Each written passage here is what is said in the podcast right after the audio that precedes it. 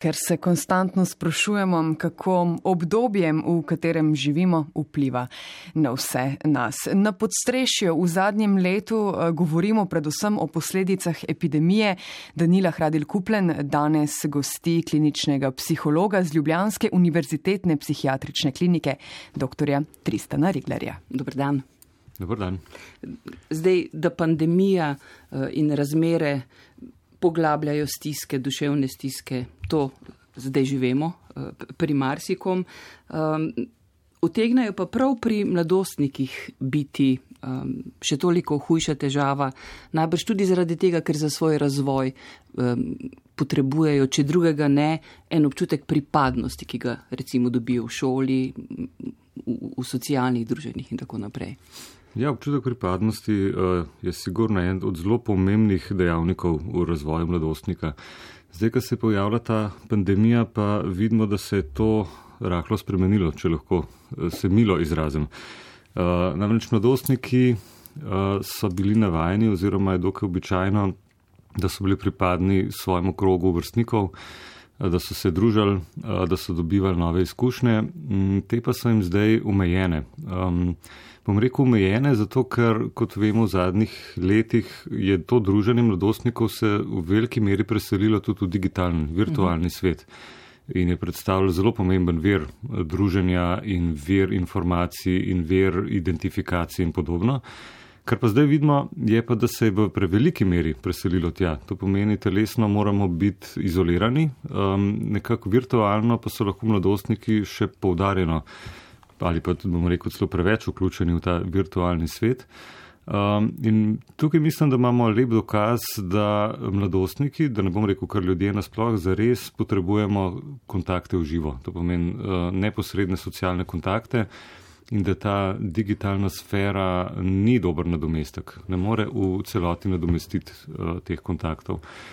Um, so starši uh, žal zdaj morali postati nadomestek za malo, da ne vse. Ne? Če sva pri mladostnikih tudi zgled potrebujejo, ki ga veliko krat dobijo v šoli, ne? tudi avtoriteto na vse zadnje, lažje najdeš nekoga mm. tam, ki ga občuduješ, kateremu slediš, ne? če ti tega mogoče starši ne dajo, ali pa tudi če. Ne? Ja, res je. Eh, zelo veliko stvari je odpadlo na starše. Ogromno enih različnih vlog so mogli prevzeti. Eh, težava je v tem, ker starši ne morejo in ne smejo prevzeti vlogo vrstnikov.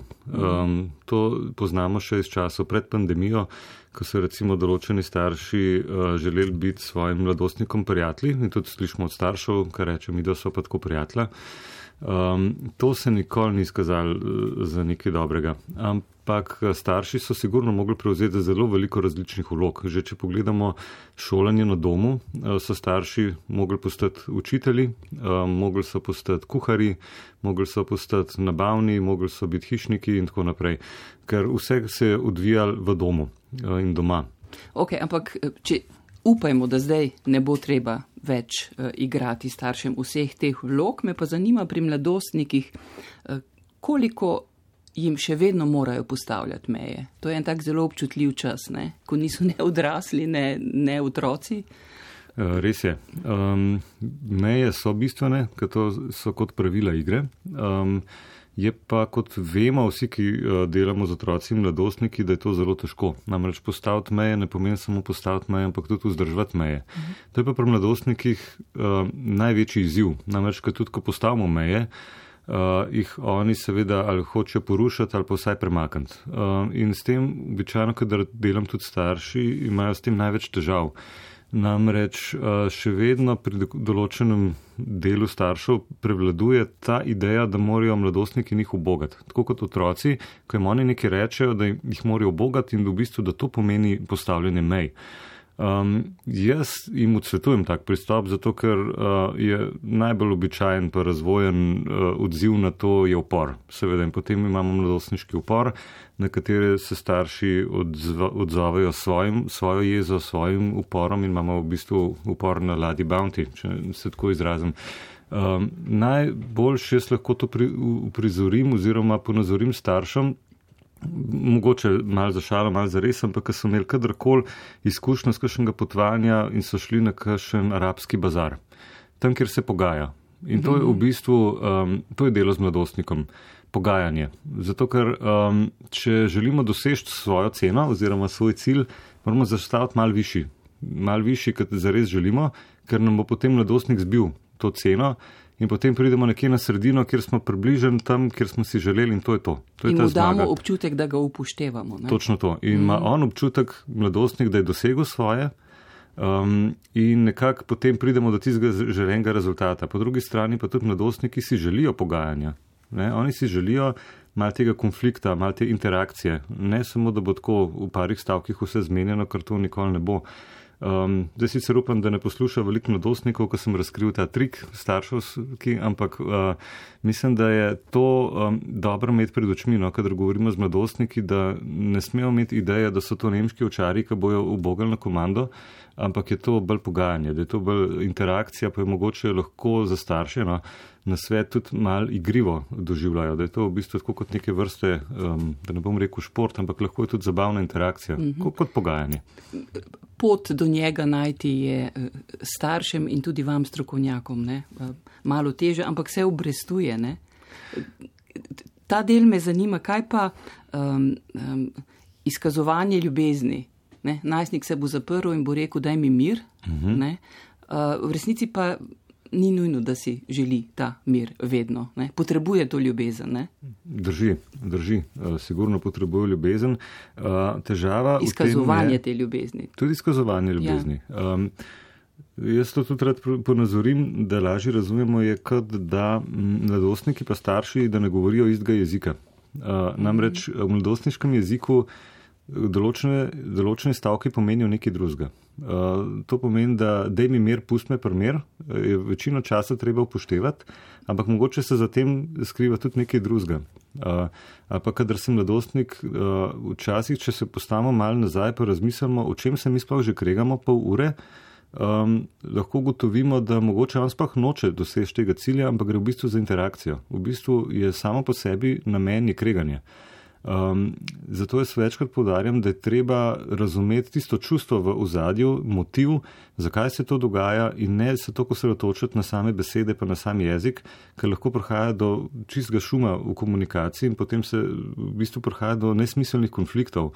Um, mladostniki sigurno potrebujejo ljubezen, sigurno potrebujejo starše, samo način, kako oni izražajo to potrebo in način, kako si želijo, da jim bo to izkazano, je pa popolnoma drugačno kot v zgodnejših razvojnih obdobjih. Uh mhm. -huh. to, to moramo tudi vedeti. Ne? Recimo te oblike eh, božanja, pa ljubčkanja, pa tako jim grejo na živce. Ne? Recimo ta večini mladostnikov. Kakšno kavo mu prinesi, pa ga mimo grede objemi. Recimo, če, ok, to je že malo bolj odrasel ne, način, uh, to jim je bolj všeč, ne, ker se že počutijo bolj samostojni, uh, kot že bolj odrasli, um, da jih vprašamo, kako so um, z, z enim odraslim tonom, tonom um, z eno resnostjo, da tu upoštevamo njihova mnenja. In kar je tudi važno, zdaj sploh, ko uh, so ta gospodinstva bolj zaprta, bolj izolirana, je, da imajo tudi oni v določeni meri um, pravico do odločanja, do soodločanja v družini. So sogovorniki. Torej, kot sogovorniki, mm -hmm. tako in da sodelujejo v tem. Ne? Da niso podrejen člen, ki morajo ubogati, ampak da imajo tudi določeno uh, besedo v družinski dinamiki in da se lahko skupaj dogovorimo nekaj. Zdaj njihovo vedenje je že samo po sebi, ne glede na čase, bolj kot nespremenljivo ne? uh, in je tudi njihovo stisko posledično težje zaznati. Res je. To... Kako zdaj s vsemi temi čustvi, ki bruhajo iz njih, ne? kako zaznati, kdaj gre za res? Um, to, je, to je odlično vprašanje. Uh, s tem se ne ukvarjajo samo starši, ampak se ukvarjamo tudi strokovnjaki, ne? kdaj gre za res. Uh, pri mladostniku je to uh, zelo, zelo težko ugotoviti. Namreč, ker, um, kot vemo iz klinične prakse in razvojne eh, teorije, da veliko simptomov v adolescenci se pokriva tudi z določenimi psihopatološkimi fenomeni. Uh, to pomeni recimo razmišljanje o samomoru. Um, je pri mladostnikih dokaj običajno in pogosto, hkrati je pa to tudi znak psihopatologije. Um, dobra novica za starše je, jaz vedno trdim, da oni najbolj poznajo svojega otroka. Eh, tisti, ki ga spremljajo od rojstva in so odraščali skupaj z njim in skrbeli za njega, um, poznajo svojega otroka in vejo, kako se odziva. Čeprav se je to mladostništvo spremenilo, ampak še vedno je to isti otrok. Um, zato jaz nekako spodbujam starše, da so osredotočeni na to bistvo, tega otroka in potem bojo lahko ustrezno prepoznali njihova čustva. Čim postane njegovo obnašanje bolj nenavadno in izstopane, če zelo poenostavim, ne? so že neki znaki. Ja, uh, pozorni moramo biti predvsem, kadar se to zgodi v zelo kratkem časovnem obdobju. Ne? Če govorimo o spremembah, ki so tako longitudinalne oziroma da dalj časa trajajo, rečemo, ok, potem si tudi po domače razlagamo, to je pa zdaj puberteta, pa ga hormoni mečajo ali pa razvije kakšen stil eh, oblačenja, pa prepada določeni subkulturi. Okay. Uh -huh. uh, če pa to v relativno kratkem času, recimo tako kot v tednu ali pa v dveh tednih, da se zelo spremeni, um, da uh, se drugače izraža, da se umika, da je telesni videz drugačen, takrat imamo več razlogov za skrbi. Kaj pa pomoč staršev? Um, pri izražanju čustev. Zdaj je veliko jeze, že tako, spet poudarjam, uh mhm. -huh. pri mladostnikih. V, v teh časih smo pa deležni veliko negativnega ne? in posledično reagiramo jezno. Eh, kako naj najstnik, eh, mladostnik usmeri jezo, če je ne zna? Zdaj, kaj pomeni znati obvladovati jezo in koliko je smiselno obvladovati jezo? Ja, uh, jezo je sigurno smiselno obvladovati uh, in jo je potrebno obvladovati, uh -huh. uh, ne smemo jo pa negirati. To mhm. pomeni pokazati jo. Ja. Pokazati jo, uh mhm. -huh. ampak vedno obstajajo določeni načini, uh, kdaj in na kakšen način jo izrazimo. Um, včasih je bila težava, zdaj mislim, da je manj no, z modernimi generacijami, ampak včasih uh, so starši otrokom govorili, ne, ne se jokati, ne biti jezen. Ne, to so bile od. od nekako od mehkih nog določen čustva, ko so bila prepovedana. In še starši so skrivali, kadar so oni žalostni ne? in so jokali raje nekje druge. Tudi to je bilo res, mm. seveda, ali pa je res, da starši se umaknejo in v bistvu ta v narekovajih nezaželena čustva um, se vsi nekako igramo, kot da ne obstajajo. Obstajajo seveda veselje, presenečenje, radost, uh, vse te pozitivna čustva, te je, jeze, strahu, pa žalosti, pa kot da ni.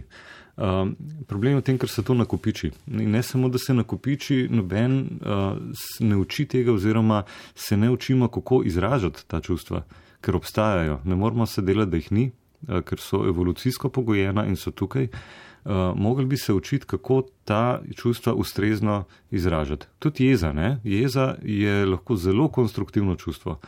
Um, če dam recimo banalen primer, ampak če recimo učenec dobi cvek in ga to razjezi in se s to jezo začne učiti in študirati in potem dobi osnov, potem zelo dobro oceno, to je jeza.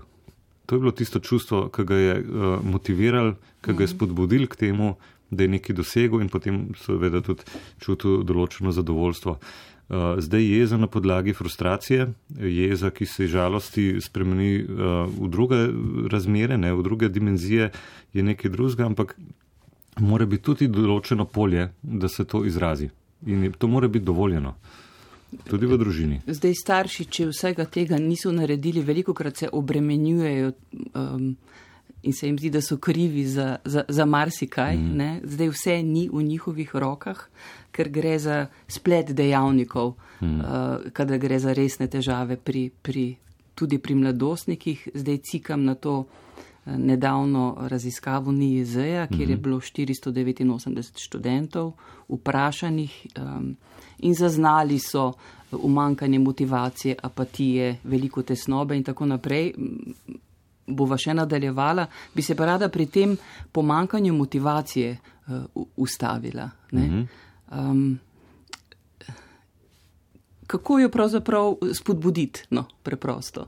Ja, to je odlično vprašanje. Namreč, uh, tudi velikrat, kadar uh, govorimo o recimo težavah uh, ljudi nasploh, potem slišimo, njega pa moramo opolnomočiti, uh, njega moramo pa motivirati. Ok, sliši se super, ampak noben zares ne ve, kaj to pomeni. Ne, to ni kar s čarobno palčko, bomo nekoga zdaj motivirali. Ne.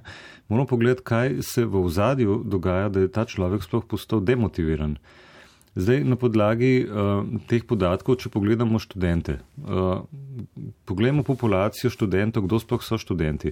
Študenti so mladi ljudje, ki so nekako zaključili obdobje adolescence, mogli bi vstopiti v fazo mladih odraslih. Mhm. In do te točke so običajno eh, tisti študenti, ki resno študirajo in se trudijo, so že večina dosegali že burnout. To pomeni, šli so skozi osnovno šolo, šli so skozi zelo verjetno zahtevno srednjo šolo in so pisali na fakulteto. Uh, to pomeni, da govorimo o, zdaj smo začeli z 12 leti učenja in potem so pa vstopili še na študij, ki je običajno še bolj zahteven in kjer se sistem učenja spremeni. Tako da veliko študentov je demotiviranih že zato, ker so izgoreli na tej točki.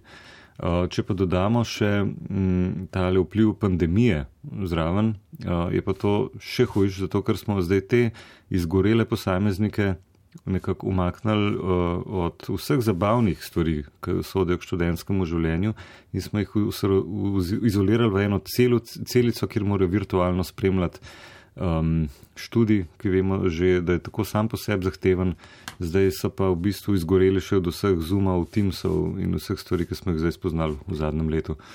Ampak ni ta generacija mladostnikov, starejših mladostnikov, študentov, govorim o večini, no, um, svoj vrstno nesrečna, ker pravzaprav niso imeli priložnosti razviti motivacije, ker jim je bilo v tem obdobju, ko so odraščali, vse bolj kot nedano, ne? zelo hitro. Ja, veliki, v večini govorimo. V večini, velikim je bilo dano, uh, za velik stvari so bili pa tudi hkrati prekrajšani. Uh, namreč uh, pri mlajših generacijah opažamo, to ne velja seveda za vse, ampak je pa en pojav, ki mislim, da je bil manj prisoten v starejših generacijah. Bom tudi govoril za svojo generacijo, da so prekrajšani za frustracijo. To pomeni, uh, mislim, da so te otroci, pa zdaj tudi že mladi odrasli, odraščali z eno filozofijo, da lahko dosežejo vse. Uh mhm. -huh. To pomeni, uh, zrasli so gor s poročilom, ok, si tak, kot si, nisi ti treba spreminjati. Uh, in če se boš dovolj potrudil ali pa potrudila, lahko dosežeš vse. In s tem sporočilom je zelo težko živeti, namreč ker prelaga vso odgovornost, da ne bom rekel krivde, na posameznika, na otroka.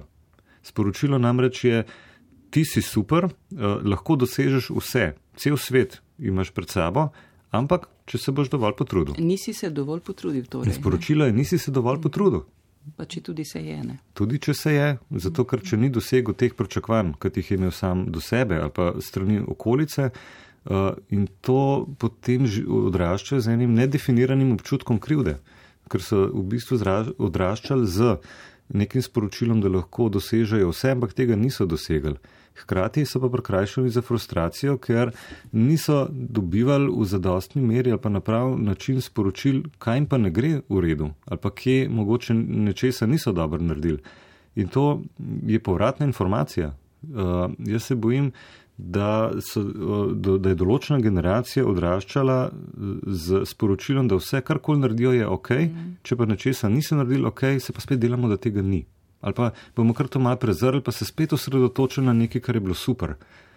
In tukaj ostane ena taka slepa pega, ki povzroč tekom razvoja pri človeku, da se počuti prazen, da se počuti uh, neizpolnen in čuti, da je nekaj narobe, pa ne ve točno kaj.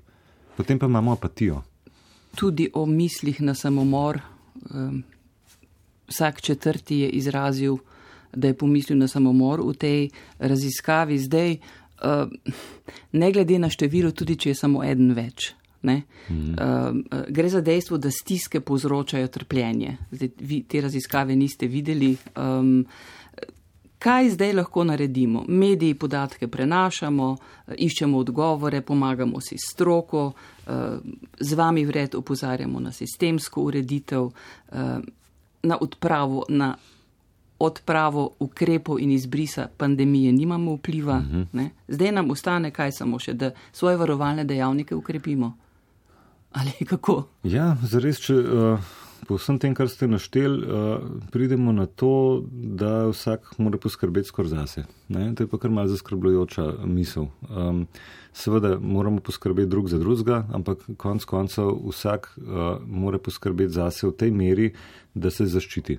Uh, in tukaj pridemo na posameznikove uh, potencijale za spoprejemanje s stresom, za ja. kompenzatorne mehanizme in podobno. Problem je bolj v tem, da so te že po enem letu dokaj izčrpani In tukaj imamo, sicer se govori o pandemski utrujenosti, mm. ampak zares gre za izčrpavanje potencijalov, za izčrpavanje, izčrpavanje, kako lahko se človek pa koliko časa spoprijema z določenimi dejavniki, ki ga črpajo. Um, Še tako opremljen ne more ostati funkcionalen v nedogled. Ne? Točno to. Še tako opremljen ne more v nedogled. To je v bistvu vprašanje časa. Uh, nekateri se bojo prej zlomili, nekateri kasneje. Uh, zdaj sistemsko um, smo uh, v zdravstvu zelo obremenjeni, vedno bolj. Uh, nekaj časa smo pozarjali, da prava pandemija za nas na področju duševnega zdravja šele pride in mislim, da se je zdaj kar začela. Uh, um, ker so te potencijali izčrpani in se izčrpujejo. In zdaj uh, se kaže ta slika, ki nas je vse čas skrbela, uh, koliko bo anksioznosti, koliko bo depresivnosti in v tem kontekstu pridejo seveda tudi misli na samomor. S tem, da moram povdariti, da misli na samomor uh, še niso tako zaskrbljujoče. Namreč, ker uh, Raziskave še iz časov eh, pred pandemijo ugotavljajo tudi v slovenskem prostoru, da je za mladostnike dokaj običajno oziroma da približno vsak tretji mladostnik razmišlja o samomoru. Ampak to je razmišljanje o samomoru. Eh, važno je v te točke naprej, kaj naredimo s temi mislimi. Zdaj, če jih on lahko skomunicira, če jih lahko postavi v kontekst, eh, ni to s tem nič narobe. A nam je v rahlo to lažbo, da je bila ta raziskava narejena decembra? Ko um, po mojem vedenju nekako prihaja konec leta in se mora biti ta misel še bolj ukrepi, že tako.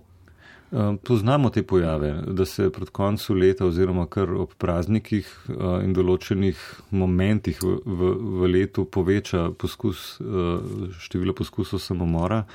Um, To je lahko seveda en dejavnik, uh, ampak če govorimo samo o misli na samomor, da to približno četrtina to izvaja, to še ni tako zaskrbljujoče. Ni pa to negiranje te težke situacije. Ne? Negiranje težke situacije, če govorimo o negiranju, je to spet ponovno en obramni mehanizem, ja. s katerim se poskušamo spoprijemati in ki ga velikrat vidimo, žal tudi pa recimo um, teh um, te zagovornikih teorij zarote in tako naprej in da virus ne obstaja. Ne? To je krasen primer negacije. To pomeni, virus ne obstaja, tega ni. Ne? Kratkoročno prihaja poletje in upajmo, da odmik od virusa, dolgoročno pa uh, vas pričakujemo spet v studiu. Žal. Jaz z veseljem pridem, pa če bom lahko pomagal, tudi z veseljem. Hvala lepa. Hvala vam.